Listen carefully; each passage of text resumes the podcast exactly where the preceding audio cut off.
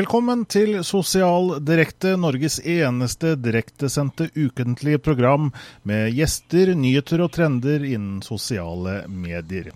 Vi har kommet fram til program nummer 19. Vi er altså direkte, og det vil si at du kan være med å påvirke denne sendingen også i dag ved å bruke hashtag sosialdirekte. Sosialdirekte. Programmet det lages av kommunikasjonsrådgiver i Kontekst, Morten Myrstad. Og undertegnede det er Jan Espen Pedersen. Og vi skal også i kveld si tusen hjertelig takk til Jannicke Vindenes Karlsen, som jo hjelper oss underveis i sendingen med det redaksjonelle. Dette konseptet det består av å snakke med spennende mennesker, Morten. Og hvem er det vi har med oss i kveld? I kveld har vi eh, med oss eh, fra Fargerike Dagny Turman Holseth, som er kreativ leder eh, i Fargerike. Som da vil snakke med oss om en del ting som har med det visuelle weben å gjøre. Og så har vi besøk av Christian Bjørkelo, som er bokaktuell i forbindelse med en ny bok om bloggingens historie i Norge. Og vi har også en gjest helt på slutten som skal fortelle oss om et nytt konsept, Jan Espen. Så den kan vel kanskje du presentere? Ja, det er Stein Arne Nistad. Han var jo med oss i jeg tror det var det første programmet i Sosial Direkte. Eh, han kommer tilbake i kveld for å snakke om eh, social pulse. Eh, så vi skal høre hva det er for noe etterpå. Eh, forrige onsdag så hadde vi en eh, Vi testet ut en uformell hangout on air, og vi tenkte vi skulle prøve oss eh, på det i dag også, altså etter sendingen, Morten. Og eh, du var med der, og hvordan, hvordan gikk det? Ja, For de som ikke vet det, så er det kanskje greit å bare fortelle litt om hva det er. Altså Hangout on air er en mulighet da, til å ha ti gjester på en videochat. Eh, og I tillegg så kan da den videochatten kringkastes både på Google Pluss og på YouTube. Og Det ble da gjort forrige onsdag, og invitasjonene gikk ut da via det forumet vi har på Google Pluss, som heter da Sosialt direkte forum. Og det ligger også en invitasjon der i den veggen der i, i dag. Og tanken bak det, initiativtakerne til det, er jo for så vidt moderatorene som hjelper oss på eh, Sosiale direkte forum. Og de så for seg at det var interessant å kunne på en måte følge med eh, og, utvide samtalen litt i forhold til det som har vært i programmet. Kanskje besvare noen spørsmål som ble ubesvart. Eh, og også ha en litt mer nedpå type samtale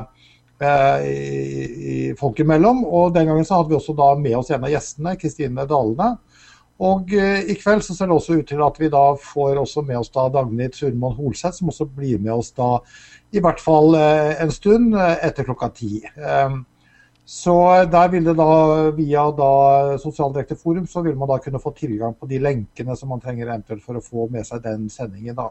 Mm. Og jeg tenkte kanskje vi skulle bare vise noen få sekunder fra hangouten vår eh, forrige onsdag, for å gi et lite inntrykk da, av hvordan, hvordan, det vil se ut for de som ønsker å henge med oss etter klokka ti i dag. Uh, og så er det dette med fra et bedriftsståsted, uh, altså uh, hvor havner jeg hen der? Det er vel kanskje spørsmålet jeg har, og som, som jo i, i sendingen òg ble sett litt på. Men eh, det er vel kanskje for bedriftene det som er det store spørsmålet. Hvor havner vi hen?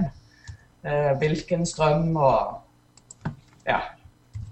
Eh, jeg hadde også et kundemøte i dag hvor vi gikk gjennom disse endringene. og det var også en, Dette med synligheten til bedrifter er jo et, et viktig poeng, fordi man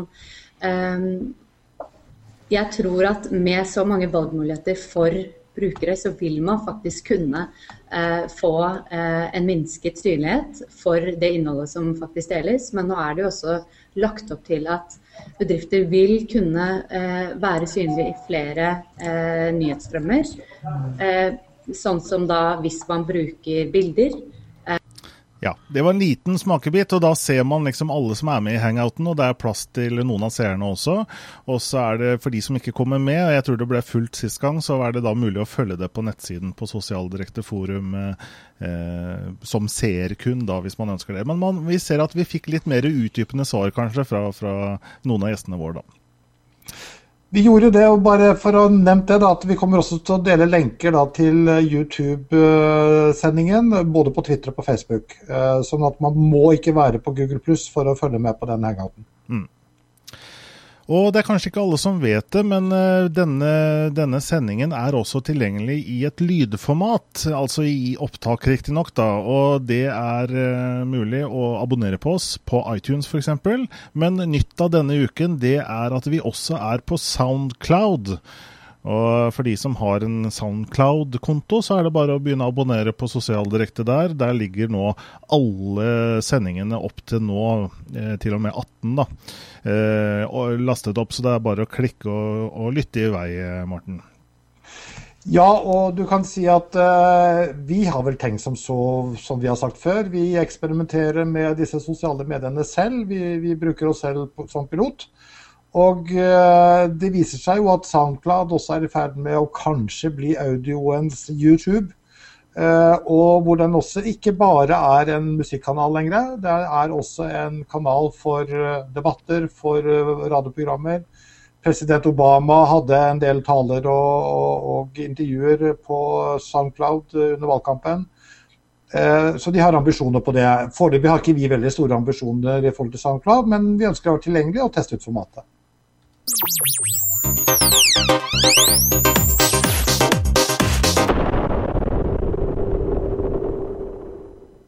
Ja, det skal bli fargerikt i kveldens sosialdirekte, Morten. Ja, det skal det bli. Eh, og vi har da invitert eh, Dagny Turman Holseth fra Fargerike. Eh, du er med oss, Dagny? Ja, det er jeg.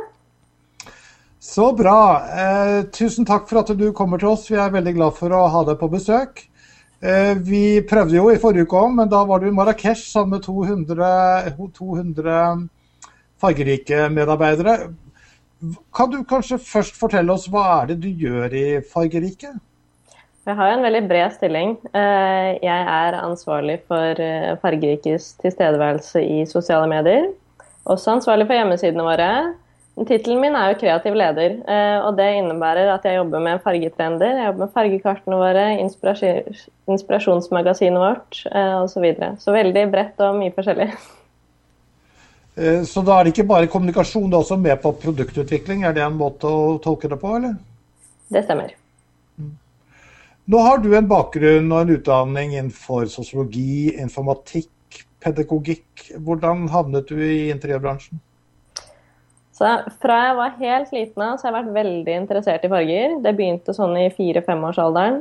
Eh, mens jeg fra rundt 16 år eh, begynte å fatte interesse også da for farger i interiør. Eh, så det har vært egentlig en hobby frem til ca. 2008. Eh, da begynte jeg å blogge om skandinavisk stil fra et maksimalistisk perspektiv. Det tror jeg du må forklare oss. Altså, er det bloggen Scandinavian Chick, er det den du snakker om? Det stemmer. Eh, og hva eh, er maksimalisme i denne sammenhengen? Altså Det jeg så og skjedde på den tiden, og som fortsatt gjelder i dag, er at den skandinaviske stilen ble vist fra én en enkel retning. Eh, og det var veldig minimalistisk og veldig rent. Men skandinavisk stil er så veldig mye mer. Eh, og f.eks. her i Norge er vi jo alt annet enn minimalistiske. Eh, og det er veldig mye farger, og det er mye spennende former, og det syns jeg ikke kom godt nok frem. Så det ville du på en måte vise fram i den bloggen din, og vise større mangfold? Ja. Mm. Og, og den bloggen holdt du på med før du begynte å jobbe i Fargerike, eller hvordan var det? Ja, jeg begynte med den ca. to år før jeg begynte å jobbe i Fargerike. Eh, og den hadde mye lesere i sin tid. Eh, var med i kåringen av Norges mest elskede blogg. Det Var jo eh, forholdsvis kommersiell, vil jeg si, i stilen, også. Og du vedlikeholder den samtidig som du jobber i Fargerike? Ja, altså da den var på sin høyde, så hadde vi jo to-tre innlegg om dagen. Og det er det veldig langt unna i dag. Nå er det kanskje én til to i måneden. Eh, så den lever fortsatt, men ikke helt i samme form som det den var før. Men du har på mange måter fått eh, hobbyen inn som jobb du nå, da, eller er det sånn å forstå? Ja, det er helt riktig. Jeg har det veldig gøy på jobb. Ja. Ok, Hvis vi ser litt på uh, de sosiale mediestrategiene til Fargerike, hva, hva, er den, hva består den i? Strategien vår er veldig enkel, uh, og den handler om at gjennom sosiale medier så skal vi uh, skape ambassadører for Fargerike. Og da er det brukerne som skal være ambassadører, eller? Ja, det er likerne våre, om du kan kalle det, eller følgerne våre i de forskjellige mediene. Hvilke sosiale medier er dere, eller hvilke nettverk er dere med på? Man kan kanskje ikke være med på alle? Vi er, vi er jo nå med på ganske mange. Eh, vi er, føler vi er store på Facebook. Vi er ikke en stor gruppe, men vi har en veldig aktiv og positiv og verdifull gruppe for oss. Eh, vi er på Twitter. Eh, der er vi ganske små. Vi er på Instagram og Pinterest. Mm. Vi kan jo ta oss og se også eh, på bare kort hvordan det ser ut da, når man går inn på Fargerike. Dere har jo snart 10 000 følgere. Ja, vi arbeider oss mot eh, et rekordantall likere for oss. Kjempespennende. Eh, så vi er vel 50 følgere unna nå, sånn cirka. Mm. Er, det, er det spesielle ting dere fokuserer på når dere er her på Facebook? det er jo å skape entusiasme rundt fargebruk. Eh, og snakke om alt som har med, med, fargesetting å gjøre, både inne og utendørs. Og gjøre det på en veldig ufarlig måte og litt nedpå, samtidig som vi skal utfordre og vise nye muligheter. Og snakke mye om det å gjøre ting personlig. Mm. Eh, og så går vi til Pinterest, og det er kanskje en ideell plattform for, eh, for eh, et selskap som dere? Ja, det vil jeg si. Som er Pinterest. veldig visuelt? Ja, Pinterest er helt fantastisk. Og der kan vi også trekke paralleller mellom mote og interiør og mat og alt mulig som henger tettere og tettere sammen i dag. Mm. Uh, vi ser at det er mange som, som følger oss her og syns det, uh, det, er gøy. Mm. Hvordan er Pinterest da opp mot uh, Instagram f.eks.? Altså Instagram er jo litt sånn type behind the scenes-bilder, egentlig. Eh, hvor man følger oss eh, i vår daglige jobb. Nå er vi veldig tidlig ute med Fargerike Norge, mens min private profil er jo mer innarbeidet. Men eh, tanken her skal være å vise litt hvordan vi jobber fra baksiden, og mer snapshots. Mens Pinterest, der henter vi jo egentlig bilder fra alle mulige. Vi pinner som bare det når vi finner noe som er spennende fargebruk. Eh, men vi bruker altså våre egne profesjonelle bilder um, og andres. Mm. Og så har dere selvfølgelig da også uh, deres egen blogg. Far, ja. Farverike-norge.blogspot.no. Og Bruker dere mye ressurser her også, eller? Den er jo en del av sirkelen, om vi kan kalle det det. Så alle, alle disse plattformene har jo sin funksjon. Og her er det jo en del eh, litt mer uformelt enn på hjemmesidene våre, kanskje. Vi kjører jo en del konkurranser gjennom bloggen. Det går ikke direkte gjennom Facebook uten app i dag. Eh, og så skriver vi DIY-innlegg, f.eks. Gjør det selv. Eh, typisk bloggsjargong egentlig her, men det handler jo også om fargebruk, som det gjør um, alle andre steder. Mm. Jeg skal passe på også å si til våre seere at eh, vi er direkte, og det betyr at eh, noen har måttet ha noen spørsmål til Dagny, så hvorfor ikke stille dem med hashtaggen sosialdirekte, så skal vi prøve å ta det med til deg her, eh, Dagny. Men du har sikkert fått med deg Facebook, de kommer med en ny nyhetsfeed hvor det er mer fokus på det visuelle der. Hva, hva tror du det kan ha å si for dere? Det er kjempefint. Eh, store bilder de viser mye mer av farger og detaljer og vi vet jo at bilder er, er viktig for våre følgere. Det er der vi får eh, likes, kommentarer og tilbakemeldinger. Vi har et spørsmål her fra Anne Ellingsen, her, som også jobber med en interiørbutikk. Eh, og Hun lurer på, som en, i retail, da, hvis man jobber i retail, hva, hva, slags eh, kanaler er det dere legger mest vekt på? Type Facebook, Pinterest, Instagram osv., eller bloggen? Facebook er definitivt den viktigste i dag. Eh, og det handler med at vi kommer inn i middagsfeeden til kundene våre, om vi kan kalle det. Eh, du kommer inn i det daglige, og eh, det er en utmerket måte både for våre butikker lokalt og sentralt å kommunisere med, med kundene våre. Utenfor nettet, da. Dere har jo 110 butikker eller noe sånt. 120. Og, hva? 120. 120, ja. OK. Uh, er dere kun digitale i dag, eller, eller, er dere også på print og gjør ting liksom i butikk? Vi har et inspirasjonsmagasin som heter Base, som kommer ut to ganger i året. Uh, her reiser vi hjem til kundene våre, viser prosjekter vi gjør. Uh, snakker egentlig om farger her òg. Og det kommer ut da to ganger i året. Vi har også en DM, men den går ikke helt inn i, i dette fargepratet på samme måte. Er, er det riktig å si at Altså, hva, hva, er det dere jakter på? Jakter dere på fans? Jakter dere på likere? Jakter dere på engasjement? Hva, hva er de viktigste målene på en måte for dere? Vi jakter på ambassadører. Altså, vi jakter på mennesker som brenner litt ekstra for fargerike, og som kan gi oss ekstra tilbakemelding. De er også med å hjelpe oss med produktutvikling gjennom Facebook. Eh, rett og slett skape engasjement og spre det glade budskap. Ja, hvordan gjør dere produktutvikling eh, i tilfelle? Vi har f.eks. fått uh, følgerne våre til å hjelpe oss med å velge putedesign. Uh, de er alltid med å velge forsiden for Base, inspirasjonsmagasinet vårt. Uh, de er med på å utvikle tapeter. Så vi spør dem om veldig mye rart. og vi får alltid veldig god tilbakemelding ofte positiv, men også utrolig god, konstruktiv tilbakemelding hvis det er noe de har å plukke på. Og de ansatte, da? Eh, jeg vil tippe at eh, dere kanskje har noen farge- og interiøreksperter eh, sentralt. Er de engasjert i dette på noen måte? Tenker du på kjedekontoret eller lokalt i butikkene våre? Da er vi først på kjedekontoret, kanskje. Ja, vi har jo resten av, av, eh, ledelsen på kjedekontoret som også er involvert i Facebook. Dette er en viktig plattform for oss alle sammen. Og ute i butikk, da. Eh, hva følger kundene med på sosiale medier, slik at de tar med seg det de lærer eller det de får inspirasjon i når de kommer til butikk? Ja, det ser vi veldig mye. Eh, vi legger jo ut farger, eh, vi legger ut eh, bilder av tapetruller. Og vi diskuterer fargenyanser. Og ikke minst legger vi ut nyheter innenfor produktsortimentet vårt. Og vi har opplevd å få ventelister på tepper og tapeter. Etterlysning av farger vi har snakket om, og det skjer nesten hver eneste dag. Så det er en effektiv plattform for oss, det er det ikke tvil om.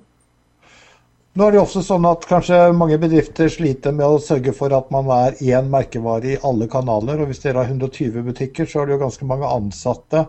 Eh, hvordan sørger dere for at måte hele verdikjeden deres henger sammen? Ja, vi er jo 800 ansatte og 120 butikker, og det medfører jo at eh, vi har en del å følge med. Eh, veldig mange av butikkene våre har lokale sider i dag, og de følger vi godt med på. Eh, så vi holder de litt i åra. De er veldig, veldig flinke, flesteparten, men det skjer jo tilfeller hvor, hvor, eh, man beveger seg litt utenfor det vi er komfortable med, og da får de beskjed om det. Har du noe råd å gi der i forhold til andre bedrifter som driver en kjede? Er det OK at man har en lokal side også, i tillegg til en sentral side, eller er det ikke OK? Jeg syns det er veldig positivt. Eh, så fremt driveren av den butikken har tid til å følge det opp. Grunnen til at det er positivt, er at du har snakket direkte til ditt lokale publikum eh, med ting som skjer i din butikk. Det kan ikke vi gjøre på den sentrale siden når vi har så mange butikker. Så du kan skreddersy innholdet litt mer enn det vi kan gjøre. Vi har mange tilfeller av følgere som følger oss både sentralt og lokalt.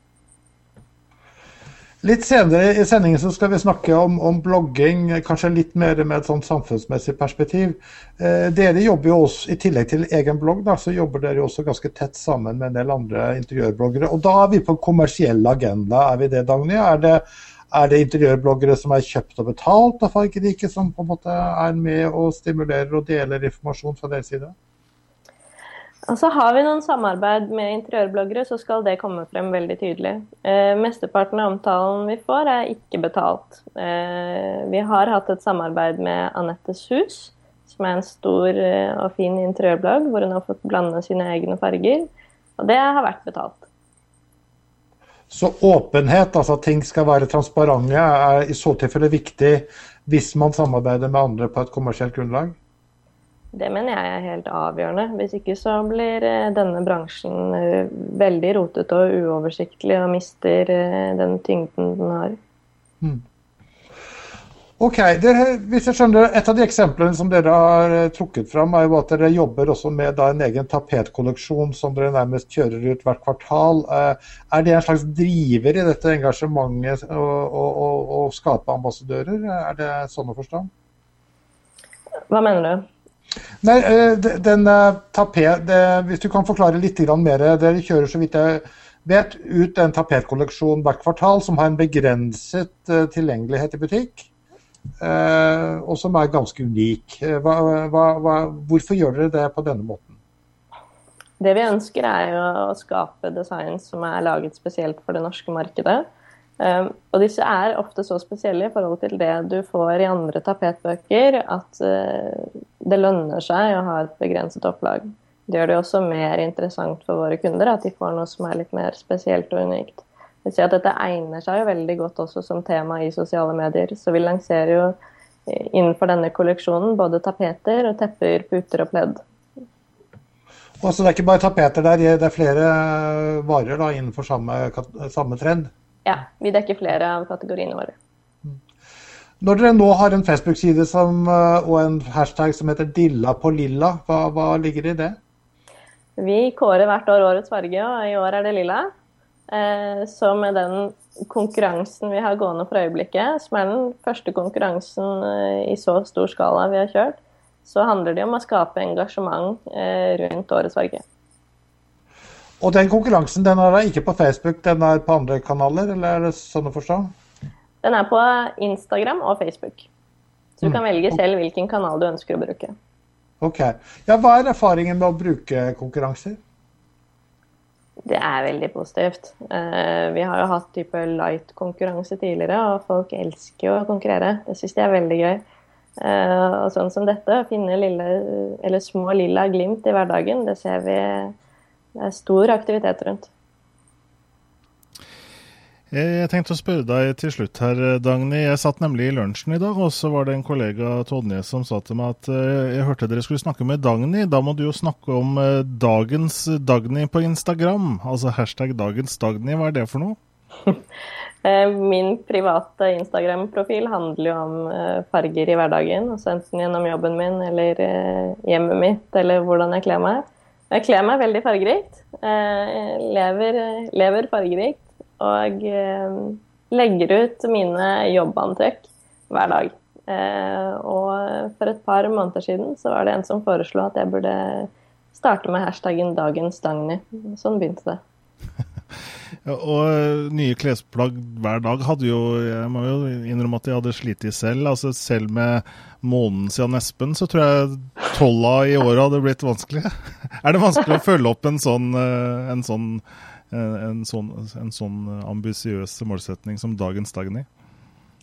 Nei, det syns jeg ikke. Og dagens Dagny er ikke hver dag, altså. Men det er noen ganger hver ukedag, andre ganger to-tre ganger i uken. Det handler jo også om å bruke garderoben sin ordentlig. Ja. Det er mange muligheter. Mm. Du har jo også en, et nikk da, på Twitter blant annet, som også er litt sånn spesielt, som heter Fargerike Dagny. Eh, hva hvis du bytter jobb da, Dagny? Begynner i Nille eller Komplett eller noe sånt? Blir det da Nille Dagny eller Komplett Dagny? Ja, det blir nok det. Vi får se. Vi får se. Foreløpig er det fargerike dagene, og det passer meg utrolig godt. De fleste som kjenner meg, vet at det er veldig beskrivende. Det virker som du jobber på rett plass, og som en av seerne våre skriver også, de beste hobbyene er de som blir jobben din. Så det kan jo kanskje du skrive under på. Jeg kunne ikke vært mer enig.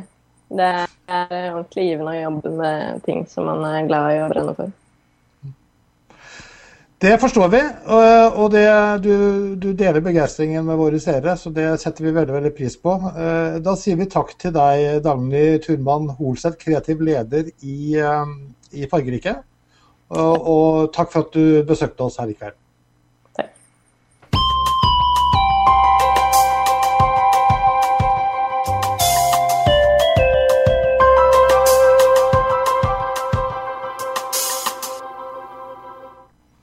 Da skal vi se litt på hva som rører seg i uh, uken som har gått, av stort og smått. og Ofte så er det jo litt sånn ut, utenriksstoff da, Morten? Ja, eh, vi syns jo det er en oppgave i å på en måte ta med oss nyheter fra, fra, der hvor en del av disse plattformene og trendene kanskje skapes, da, og det er jo ofte i USA. Eh, vi dekker jo også nyheter selvsagt løpende. Denne uken her, så, og siste uka har det vært veldig mange forskjellige typer arrangementer i Norge. Men eh, i vår post nå, akkurat nå, så har vi et fokus da på nyheter fra, fra utlandet. Og en av de handler jo om hashtaggen, eh, Jan Espen. Det er riktig, fordi hashtaggen er jo Eller eh, Norsk språkråd har kanskje sagt at det skal hete emneord. Det er jo noe som kanskje mange tror at det er noe som Twitter fant opp, men det er jo ikke helt riktig. fordi at Eh, hashtaggen har kanskje sitt opphav fra, eh, etter å ha brukt Wikipedia litt, eh, fra IRC-dagene, som altså var liksom tidenes morgen på internett, hvor man brukte hashtag, også kanalen, hvor kanalen representerte et eller annet emne, om du vil, da, eller, eh, eller hva, hva, på en måte temaet var i, i, i, den sammenheng. Og det er da flere som eh, hiver seg på her. vi, Twitter begynte jo med det tidlig, men det var jo pga. at brukerne selv begynte å bruke det. Og var det ikke en ansatt fra Google som egentlig begynte å bruke det, denne hashtaggen på, på Twitter? Jo, det var visst da en som heter Chris uh, Messina, som laget en Twitter-post i 2007 hvor han brukte en hashtag. Og, da, og da var det jo ikke noen funksjonalitet knytta til den, da var det jo bare et ord. Mm. Uh, og så lagde han en bloggpost et par dager etterpå. Så det Twitter har gjort, og det skal de jo ha, det var jo at de, de lagde en funksjonalitet eh, knytta til det som gjorde at den kunne eh, brukes til søk, bl.a., og, og, og at det blir en lenke. Mm. Men nå er hashtagen i ferd med å bre om seg, Jan Espen, og den går til flere plattformer. Den er jo allerede på Google pluss, mm. og har vært det siden lanseringen av Google pluss i 2011.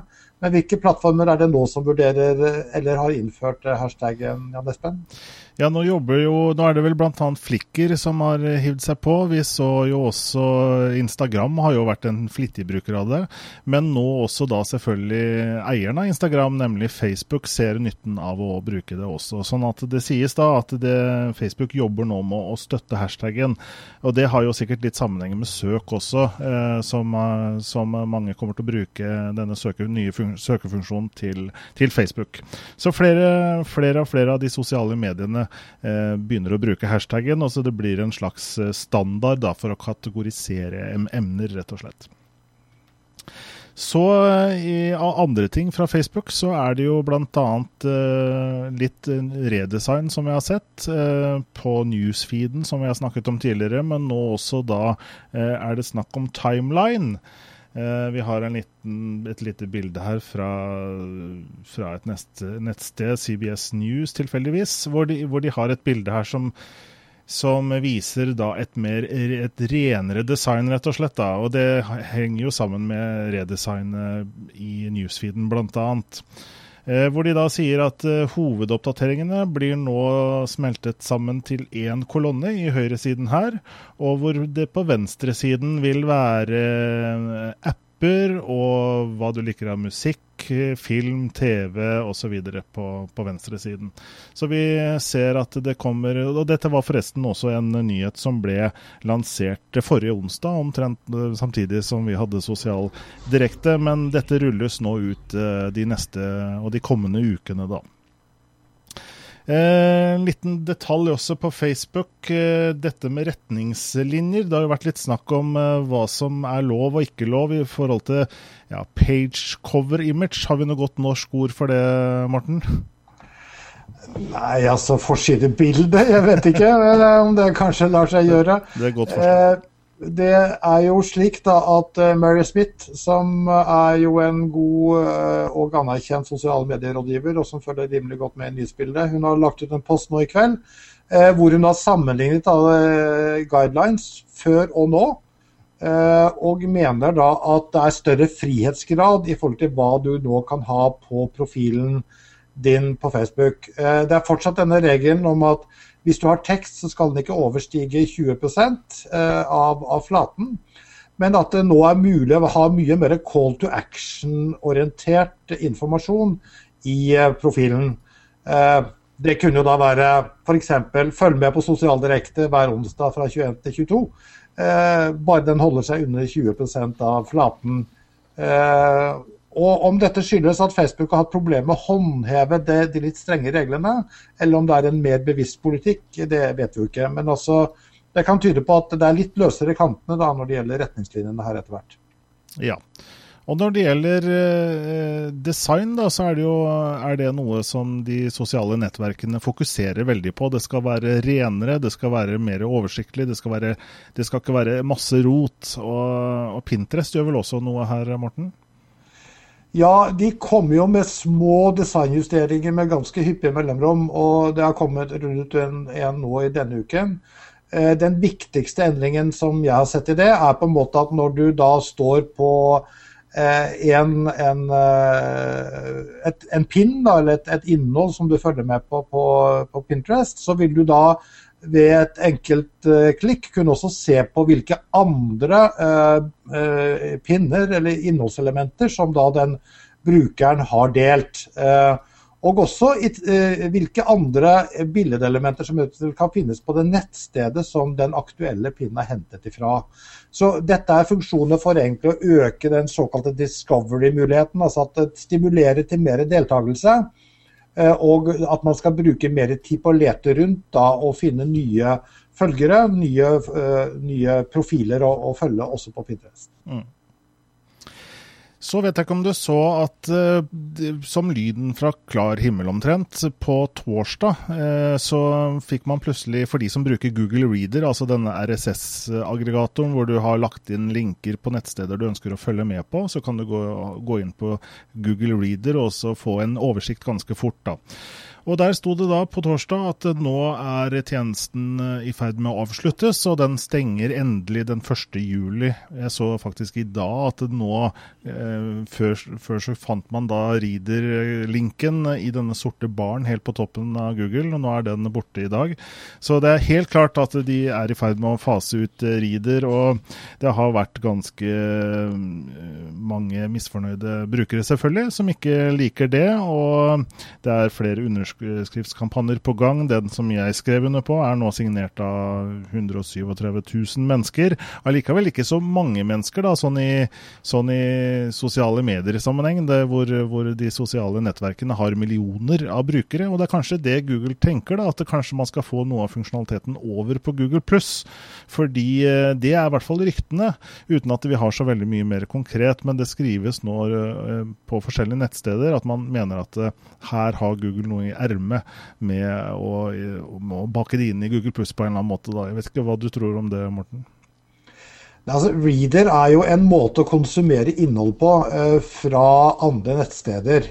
Eh, effektivt, eh, og det kan for så vidt være andre eh, RSS-lesere som også kan være like effektive. Feedly er vel en av de som nå vokser fram, på en måte etter hvert som da eh, Reader da gravlegges. Ehm, jeg tror ikke du får den samme effekten på Google Pluss, fordi at eh, der er fortsatt ikke innholdet så rikt, så mangfoldig. Eh, det kan godt være at du kan få noe funksjonalitet som gjør at du kan abonnere på innhold på en mer effektiv måte, men du har jo ikke den samme valgmuligheten av innhold som det du har på det store internettet, da, hvor du kan bruke en RSS-kode fra egentlig hvilket som helst nettsted i prinsippet. Skal vi kort eh, som avslutning i denne bolken eh, si litt om eh, Google sine nye tjenester? Det er snakk om en ny integrert Messenger-tjeneste og et notatsystem, for å kalle det det. Ja, jeg kan ta det siste først. fordi at du kan si Det er noe som kalles for Keep. og Det var visstnok en lekkasje det kan jo ha vært en målrettet lekkasje, det vet vi ikke. Men altså brukergrensesnittet på en, en, en løsning à la Evernote eller à la Pocket, eh, som da så gjør at du kan lagre lenker og kategorisere lenker da, på, på, på nettet, eh, eh var da ute. Og den skal visstnok hete, hete Keep. Og så blir jo den nyheten koblet veldig da også til gravleggingen av Reader, fordi at folk stiller spørsmål hvilke tjenester kan jeg egentlig stole på at Google kommer til å vedlikeholde, hvis de nå først starter en ny. Eh, og når de nå hev, hiver ut Reader, så er jo det en såkalt vårengjøring fra Larry Pages side. Eh, jeg tror jo at eh, en, en, en bokmerkeløsning som er profesjonell og bra, i kombinasjon med da Google sine øvrige tjenester, ville være en meget meget effektiv produkt. Så det imøteser jeg. Uh, det andre som det går rykter om, er at de kommer med en løsning som er bygget helt fra grunnen av, som skal på en måte erstatte alle de forskjellige kommunikasjonsløsningene som Google i dag har, som er Messenger-orientert. Dvs. Si at du fra samme brukergrensesnittet skal kunne kjøre en vanlig eh, chat, og du skal også kunne da enkelt gå over til en hangout f.eks. Eh, de har visstnok fem-seks forskjellige typer tjenester i dag som da skal erstattes med én, som da etter ryktene skal hete for Babel.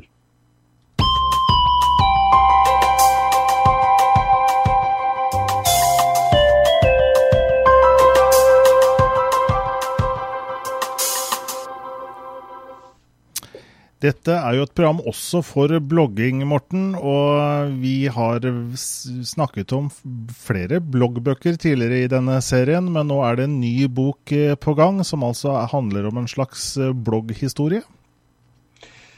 Ja, det er ca. en ukes tid siden at det kom ut en bok som da Christian Bjørkelo har vært redaktør for. Og Christian, er du med oss? Det er jeg. Hei, velkommen til oss, eh, og gratulerer med bokutgivelsen. Takk skal du ha. Eh, vi skal jo snakke med deg litt om litt forskjellige typer spørsmål. Eh, du heter jo Kristian Bjørkelo, men mange vil jo kanskje kjenne deg som mulla Hastur, og det skal vi kanskje også komme litt tilbake til etterpå. Hvis vi nå først starter litt med denne boken. Hvorfor har dere gitt den ut? Hva, hva er poenget med å gi ut en bok om blogging? Det er jo på en måte en metablogg? Det er jo det. Uh, ideen er hovedsakelig at uh, når man har hatt en, en, en tiårsperiode med, med, blogger som har utviklet seg i ulike retninger, og det har skjedd veldig mye rart i løpet av disse ti årene, veldig mye krangling og diskusjoner og veldig mye moro, og en del av dette har vært veldig meta. Uh, så ideen er at man kanskje skal begynne å dokumentere noe ut av det, og få samle inn noen av de aktørene og de stemmene som har vært aktive i det miljøet. Og hva, hvis vi da eh, tar det begrepet litt videre, blogging og blogg, hva er det for noe? Eh, hva, hva er definisjonen på blogging? Ja, Det kommer litt an på hvor bredt eller eh, hvor smalt du vil se det. Men hovedsakelig så snakker man om en blogg som en, en plattform eh, der man kan skrive lengre tekster og få kommentarer på og dele dette offentlig. Eh, men man kan jo òg eh, se veldig bredt på dette her og se på liksom kimen av verdensveven i, i, det å legge ut tekst og få respons. da. Og hva slags blogger finnes i dag? Fordi at det begrepet brukes jo på alt mulig eh, av ulike typer sjangere. Altså fra rosabloggere til samfunnsblogger til blåblogging til moteblogging. Hvor mange typer sjangere og sfære finnes det egentlig? Og hva er det viktigste? Vel, det finnes vel like mange bloggtyper som det finnes det bloggere. Eh, det er jo en og annen som prøver å kopiere en stil, men det blir jo òg eh, et eget form for uttrykk. Eh, men mest sentrale er jo selvsagt rosabloggerne, som de heter, som har veldig mange lesere. Og så har du òg fremdeles en del samfunnsbloggere, og du har interiørbloggere, du har mammabloggere, du har alle disse ulike variantene. da. Men det de har felles, er dette her ønsket om å uttrykke seg sjøl og ha en plattform for å gjøre det, da, og å forhandle sin identitet. og uttrykke sine meninger og interesser. Hva er forskjellene, da? Altså, du er vel kanskje mer en samfunns- slash eh, politisk slash eh, kulturblogger. Eh, hva er forskjellen på det du gjør og det en rosa-blogger gjør? Uh, nei, det ligger vel i hva man publiserer. Jeg, jeg driver jo gjerne da med som du sier, litt samfunnsdebatt, politikk og kultur, men òg eh, veldig mye satire. da, til noe. Eh, sjelden veldig seriøst det jeg skriver. Men eh, forskjellen vil jo være at eh, eh, man fokuserer gjerne mer på eksterne ting og ting som skjer der ute, i stedet for det som skjer hjemme hos seg sjøl og sin egen hverdag. Eh, og eh, på, eventuelt på mote og sminke og slike ting som også er veldig populært i den sjangeren. Er det riktig å si også at du er litt kritisk til en del av utviklingstrekkene her i forhold til kommersiell utnyttelse og kommersiell utvikling på en del av disse plattformene? Ja, spesielt når det kommer til eh, situasjonen der unge jenter blir brukt som eh, talsmenn for kommersielle eh, krefter og interesser. Eh, der du får en situasjon der unge jenter som har en gyllen mulighet til å bruke blogg og bloggplattformen til å utvikle seg sjøl og finne seg sjøl, får da denne innblandingen fra kommersielle krefter som ønsker å gjøre dem til talsmenn og talskvinner, ikke minst, for uh, deres produkt. Og hva kan man gjøre med det? da? Hva er anbefalingen? Altså, fordi at Identitetsbiten høres jo bra ut, eller er den ikke det? Det er kjempebra. Altså, det er jo noe av det flotteste med blogging og sosiale medier. Denne friheten til å utforske sin egen identitet. Uh, I den grad man kan gjøre noe med, med denne utviklinga, så er det jo å bygge opp en bevissthet rundt det. Uh, både blant uh, bloggere og i tilfelle unge bloggere blant foreldre deres. Det er lite vi kan gjøre med de kommersielle aktørene. De er jo ute til nye markeder og ute etter nye måter å tjene penger raskt og billig. Og det er lite du kan gjøre med media, som også har denne kommersielle interessen og derfor retter søkelyset og fokuset den veien. Så man må liksom gripe fatt i foreldre, man må gripe tak i bloggerne og prøve å skape en bevissthet rundt hva potensial som ligger i blogg utover det å tjene penger.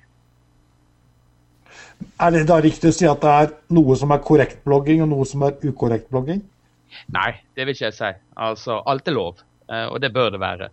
Eh, man bør ikke begynne å tenke i banen av bloggpoliti, og jeg er veldig kritisk til ideer om bloggplakater og den type retningslinjer for blogging som ikke eh, allerede finnes i de retningslinjene vi har for ytringsfriheten, eh, som allerede er etablert. Um, men en bevisstgjøring, en, eh, en, bedre forståing for hva som eh, Eh, langsiktige og kortsiktige konsekvenser av ting. Og eh, en større fokus på den uavhengighet og selvstendighet en blogger har. Du selv, da? Eh, hvorfor begynte du å blogge? Og når skjedde det? Og hva, hva var det som stimulerte deg? Nei, altså, For det første så er det jo eh, fordi at jeg har et, et uttrykksbehov som de fleste bloggere har. Jeg har interesse av å uttrykke meg sjøl og gjerne få litt oppmerksomhet for det. Eh, men eh, det er jo, som jeg skriver i boka, så er det jo òg en, en, kjærlighetshistorie involvert. og Det var, det var lokket inn i bloggingen av en ung kvinne. Og du skulle imponere henne da med å blogge, var det det som var prosjektet, eller? Ja, nei, hun, eh, hun ville gjerne at jeg skulle begynne å blogge, og da, da gjorde jeg det. Damen forsvant med bloggen ble, eller hvordan var det? Ja, det ble nok slik, ja. Bloggen ble en mer konstant ting i livet mitt, og har vært det de siste ti åra. Og så lagde du en, et alias, eller et pseudonym, er vel riktig, mm. Mulla Hastur. Og, og, og, hvorfor gjorde du det? Nei, Han utviklet seg over tid. Eh, for ti år siden så var det langt mer vanlig at man skulle skrive noe på nett. Så gjorde man slik som man alltid hadde gjort siden 90-tallet. Man hadde et pseudonym, han hadde et nikk. Eh, og Da tok jeg et av nikkene som jeg pleide å bruke i, i ulike nettforum, og sikkert på tidspunktet, som var Hastur. Og Deretter utvikla karakteren seg ganske naturlig eh, med tiden. Det var en evolusjon. Og etter hvert så fikk han tittelen Den gale mulla, eh, takket være en god venn som foreslo jeg skulle bli eh, fribryter. Eh, som, som Mad Mulla Hastur, da. Og derifra så baller det på seg. Du, du, har faktisk viet et helt kapittel til dette i boken. Bare for å være veldig tydelig på det, Det er mange forskjellige forfattere med i boken uh, ja. som du er redaktør på. Og uh, Vampus er med uh, mange ulike typer forfattere med litt forskjellige ståsted. Både bloggere mm. og folk som har fulgt med på et litt mer analytisk nivå.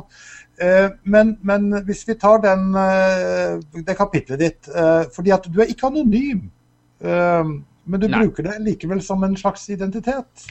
Jeg bruker som identitet. Min bloggidentitet og min identitet på Twitter er bør være lett å skille fra meg som person. Humoren er gjerne den samme, da, men uh, denne karakteren, denne gale mullen, er jo absolutt mer vanvittig enn det jeg er. Mm. Du, Hvis vi tar selve ordet blogging, da, hvor, hvor vidt er det begrepet? Altså Hvis man deler bilder eller man lager en videoblogg, altså vlogging, er det også en, en blogguttrykksform? Jeg til å si det. Uh, det har jo noe med hvordan teknologien utvikler seg. Blogg er relativt primitivt og veldig sånn knytt til hvordan verdensveven var på 90-tallet, og er et produkt av den tekstformen eh, og, og, og, den type nettsider man produserte da. Nå er jo plattformene langt mer rettet mot eh, korte, små innlegg, bildeinnlegg, videoinnlegg. Og det blir en videreutvikling av bloggen. Men bloggen vil jo alltid ha en nytteverdi i den sånn at den tillater lengre tekster og lengre diskusjoner. Mm.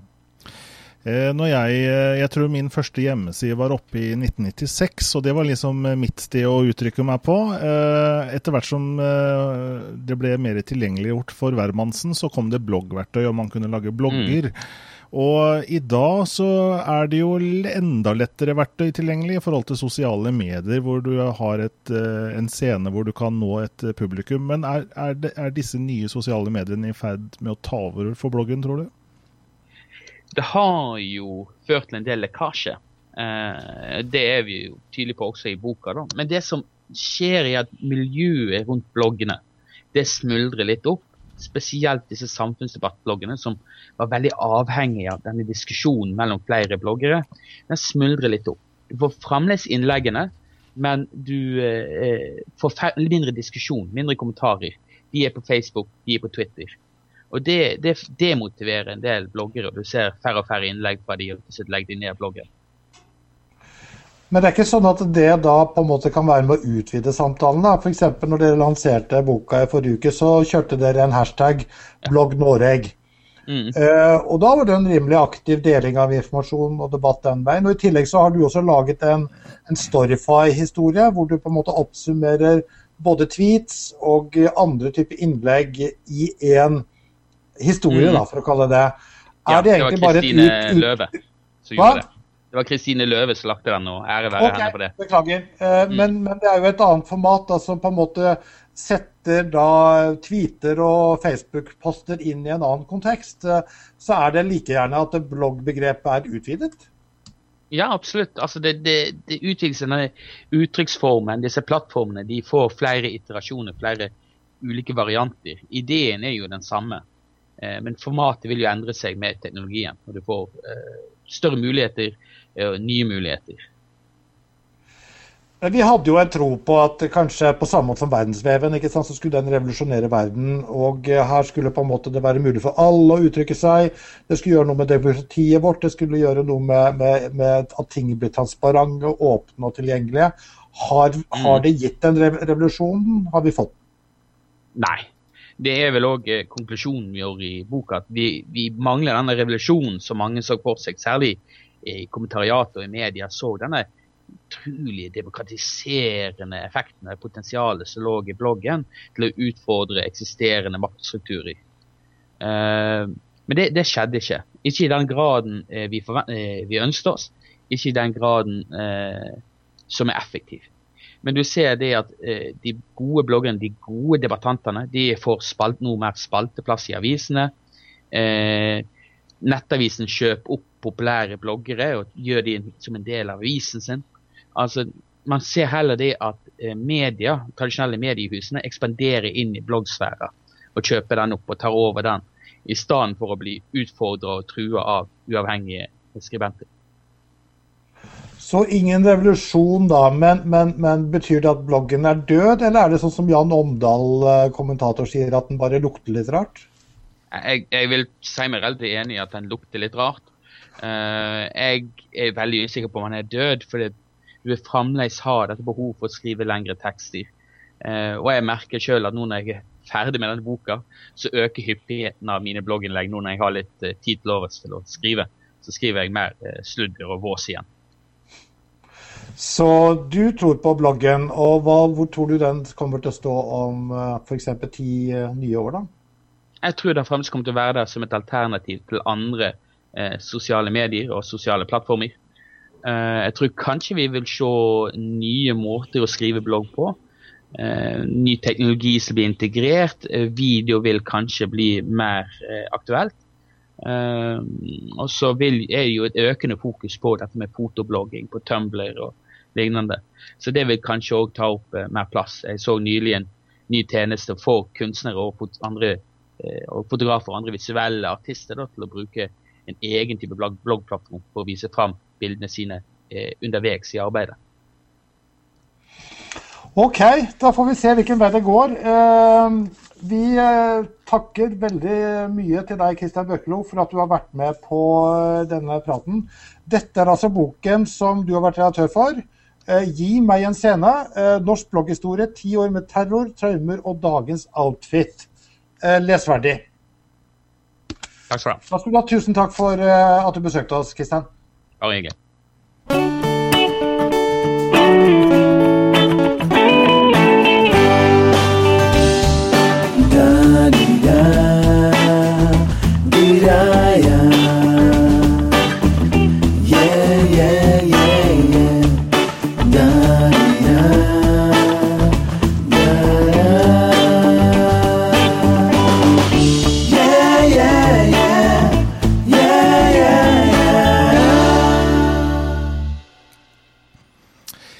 Da skal vi straks over til Stein Arne Nistad, som er rådgiver i Itera Gassett. Og han eh, fortalte oss her om dagen om noe som heter social puls. Så vi tenkte hvorfor ikke ta deg med i Sosial Direkte for å høre hva det er for noe. Velkommen til oss, Stein Arne.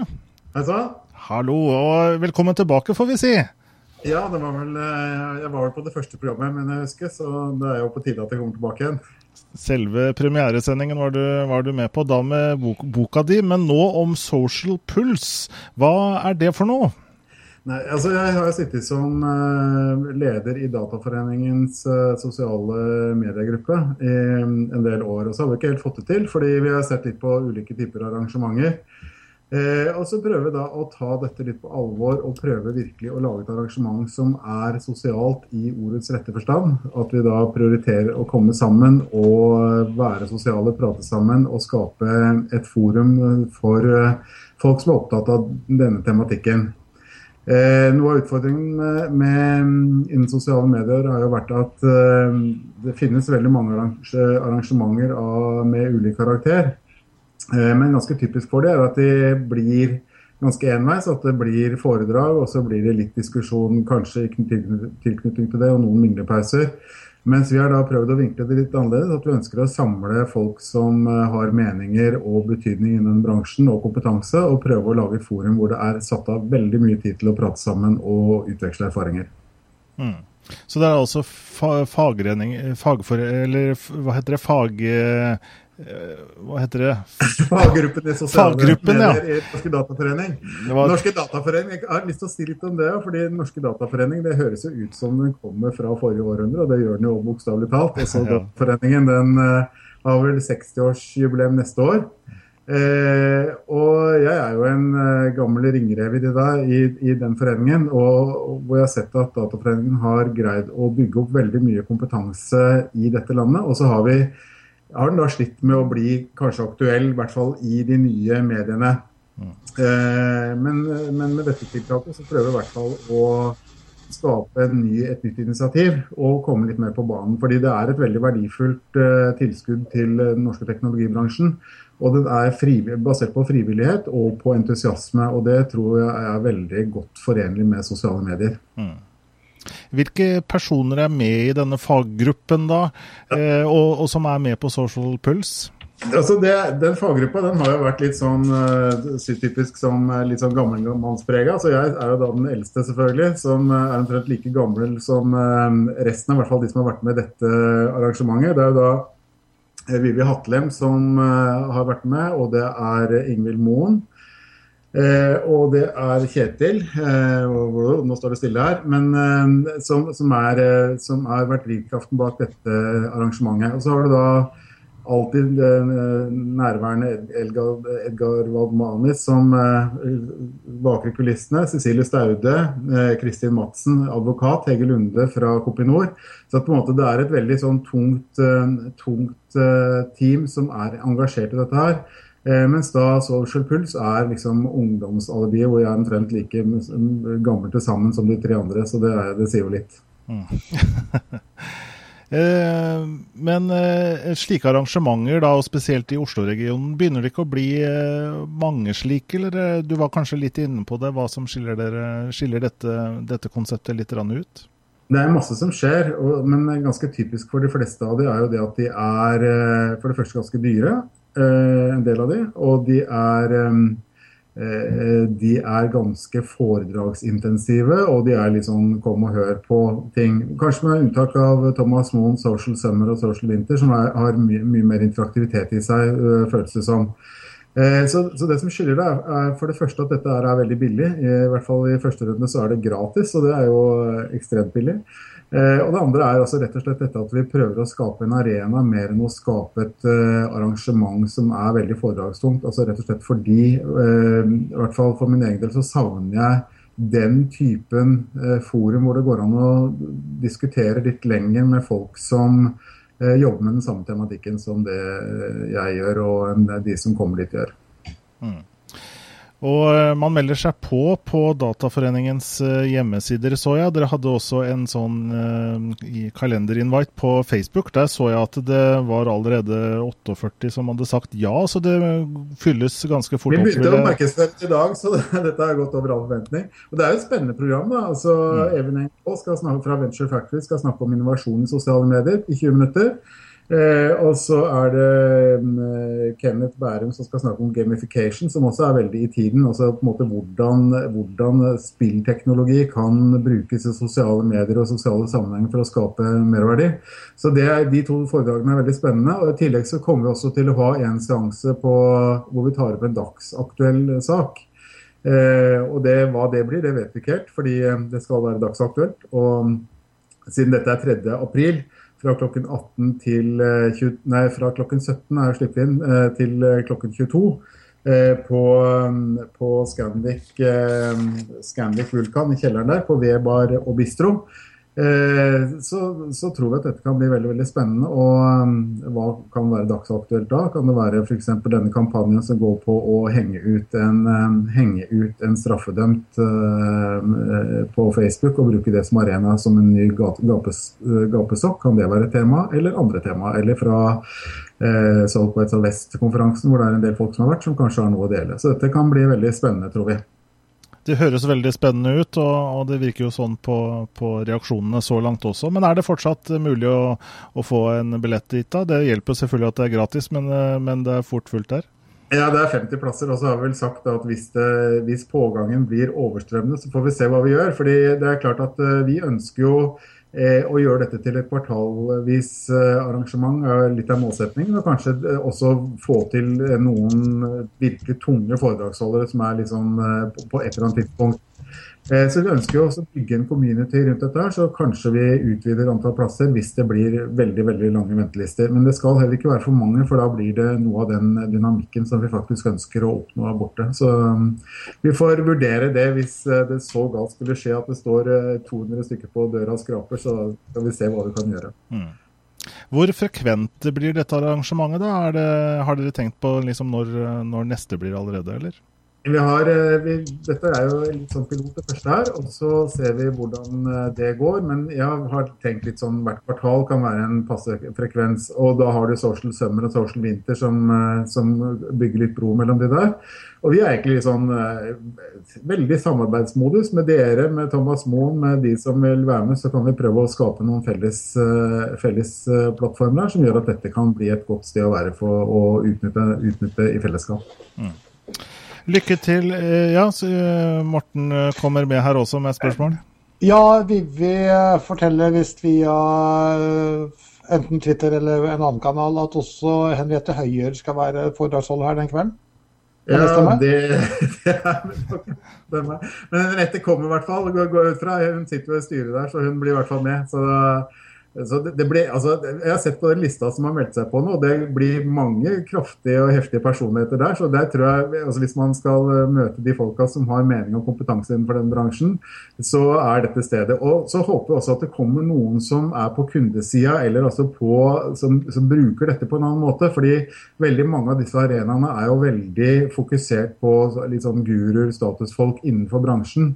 Men vi da håper at vi kan få med oss noen som da faktisk eh, også sitter på andre sida sida og kjenner litt hvor skoen trykker, og kan dele den typen erfaringer. Mm. Det høres spennende ut. Social Pulse, altså. Meetup i Oslo. Det er 3. april. Dørene åpner klokka 17 på Ved bar og bistro. Det er kjelleren på Scandic Vulkan. Eh, lykke til med det arrangementet, Stein Arne. Ja, tusen takk. Vi gleder oss veldig. Og ja, bare møt opp. Og meld dere på. Det er viktig, da, så du i hvert fall kommer på venteliste hvis det er allerede overfylt. Mm. Takk skal du ha. Og, og, men, men, dere rekker en liten påske, påskeferie først? Ja, vi tror vi skal greie det. Ja. Det meste er klart, egentlig. Så det er eh, og det er klart at det er, som, altså Vi ønsker ikke å lage et veldig sånn der, uh, høyprofilert arrangement. Vi ønsker å lage en møteplass som er folkelig og inkluderende. og Det, det er det vi håper å få til. så derfor så, Dette skal være litt lav profil og ha det gøy og kos og prate sammen på en ordentlig måte.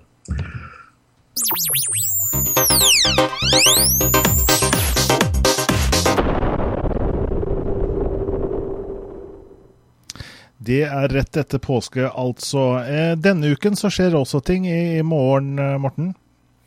Ja, det er Rethink, som er da en eh, dagskonferanse.